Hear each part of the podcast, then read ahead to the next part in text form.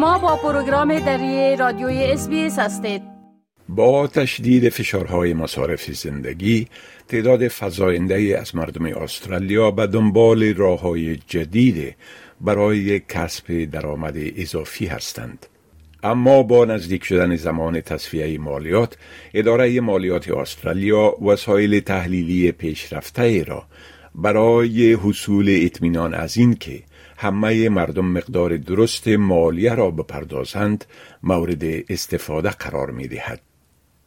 نیکلاس اوکلادنیکوف در وقتی که محصل بود یک کار part time می کرد و در سیدنی فوتبال هم بازی می کرد و در همین وقت تصمیم گرفت که چند کار دیگر را هم در کنار این فعالیت هایش داشته باشد. Originally started um, just at home, just needed to make a couple extra bucks sort of thing.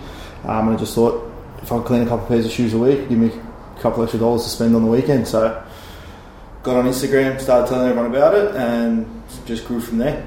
او یک شرکت شخصی را به نام سنیکر کیر به شیوهی که ساید حسل نامیده می شود تأسیس کرد. ساید حسل اصطلاحی است که برای توصیف یک کار یا شغل مورد استفاده قرار می گیرد که مردم از درک آن علاوه بر کار اصلیشان پول دریافت می کنند. ساید حسل به اشکال مختلف از رانندگی سواری مشترک یا رایت شیر تا آموزش شخصی وجود دارد. بعضی از مردم حتی به حیث یک شخص تاثیرگذار در رسانه های اجتماعی درآمد به دست می آورند. برای نیک تصمیمش به خاطر جستجوی یک راه درآمد کار جانبی یا ساید حسل نتیجه داد. شرکت او در پاک کردن بوتهای کتانی، بوتهای مجلسی و اجناس چرمی دیگر در نهایت به منبع اصلی درآمد او تبدیل شد.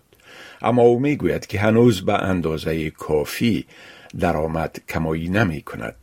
At the moment, we're covering costs of the business um, and we're putting a little bit away each week, uh, business profit and such. But we, at the moment, personally, I'm looking to do a little bit more work outside just to sort of maintain a sort of steady income um, as well as the business's income. So, yeah, it's still a little bit back and forth between working and, and running a business on the side as well. در حقیقت ارقام اداره ایسایه استرالیا نشان می دهد که بیش از 900 هزار نفر دارای یک منبع دومی درآمد هستند. اما با نزدیک شدن زمان تصویه حسابات مالیاتی به هر کسی که یک کار جانبی داشته باشد هشدار داده می شود که همه درآمدشان را در گزارش مالیاتی یا فرمه تکس ریترنشان شامل سازند.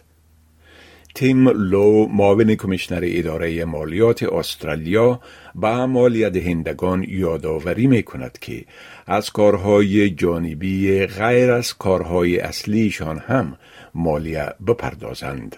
Uh, social media influencers and people with side hustles is something that we're seeing more and more of. In fact, you know, hundreds of thousands of Aussies are, do have a second job, and the latest ABS statistics show over 900,000 people have a second job. So it is a growing area, and we want people to get it right the first time. So we're just reminding people to make sure they include that income in their tax return. So we're not talking about the old garage sale here. We're talking about people who are, you know, deriving, you know, regular forms of income on a regular basis. آقای لو میگوید که شامل نساختن درآمد اضافی در فرمه تکس ریتن ارزش خطر آن را ندارد زیرا اداره مالیات منابع لازم را برای شناسایی آنها در اختیار دارد We've got uh, supercomputers, we've got sophisticated data analytics, and we've got some really clever data scientists who help us behind the scenes to review every tax return. You know, like the KFC recipe, we can't reveal all our secret ingredients, but we are collecting more and more data to make sure people are doing the right thing and getting their tax return right the first time. از اول ماه جولای سال جاری استفاده از یک سیستم جدید گزارشدهی اقتصاد به نام Sharing Economy Reporting Regime آغاز می شود که به اداره مالیات اجازه می دهد که با معلومات طیف گسترده از نهادهای توزیع الکترونیکی دسترسی داشته باشد و آنها را به خاطر معلوم شدن درآمدشان بررسی کند. اداره مالیات می‌گوید برای اینکه بفهمید که کار جانبی شما به حیث یک شغل طبقه بندی می شود یا نه باید چند نکته را در نظر بگیرید. اولین مورد این است که آیا این فعالیت تکرار می شود یا نه. بعد اینکه آیا می خواهید که از کارهای جانبیتان سود حاصل کنید یا نه و اینکه آیا به شیوه تجارتی عمل می کنید یا نه و از آنجایی که افراد بیشتری از مهارت‌های خود برای به دست آوردن پول نقد استفاده می کنند اداره مالیات از مردم می خواهد که هنگام تصویه حسابات مالیاتی از گزارش این گونه درآمد خودداری نکنند.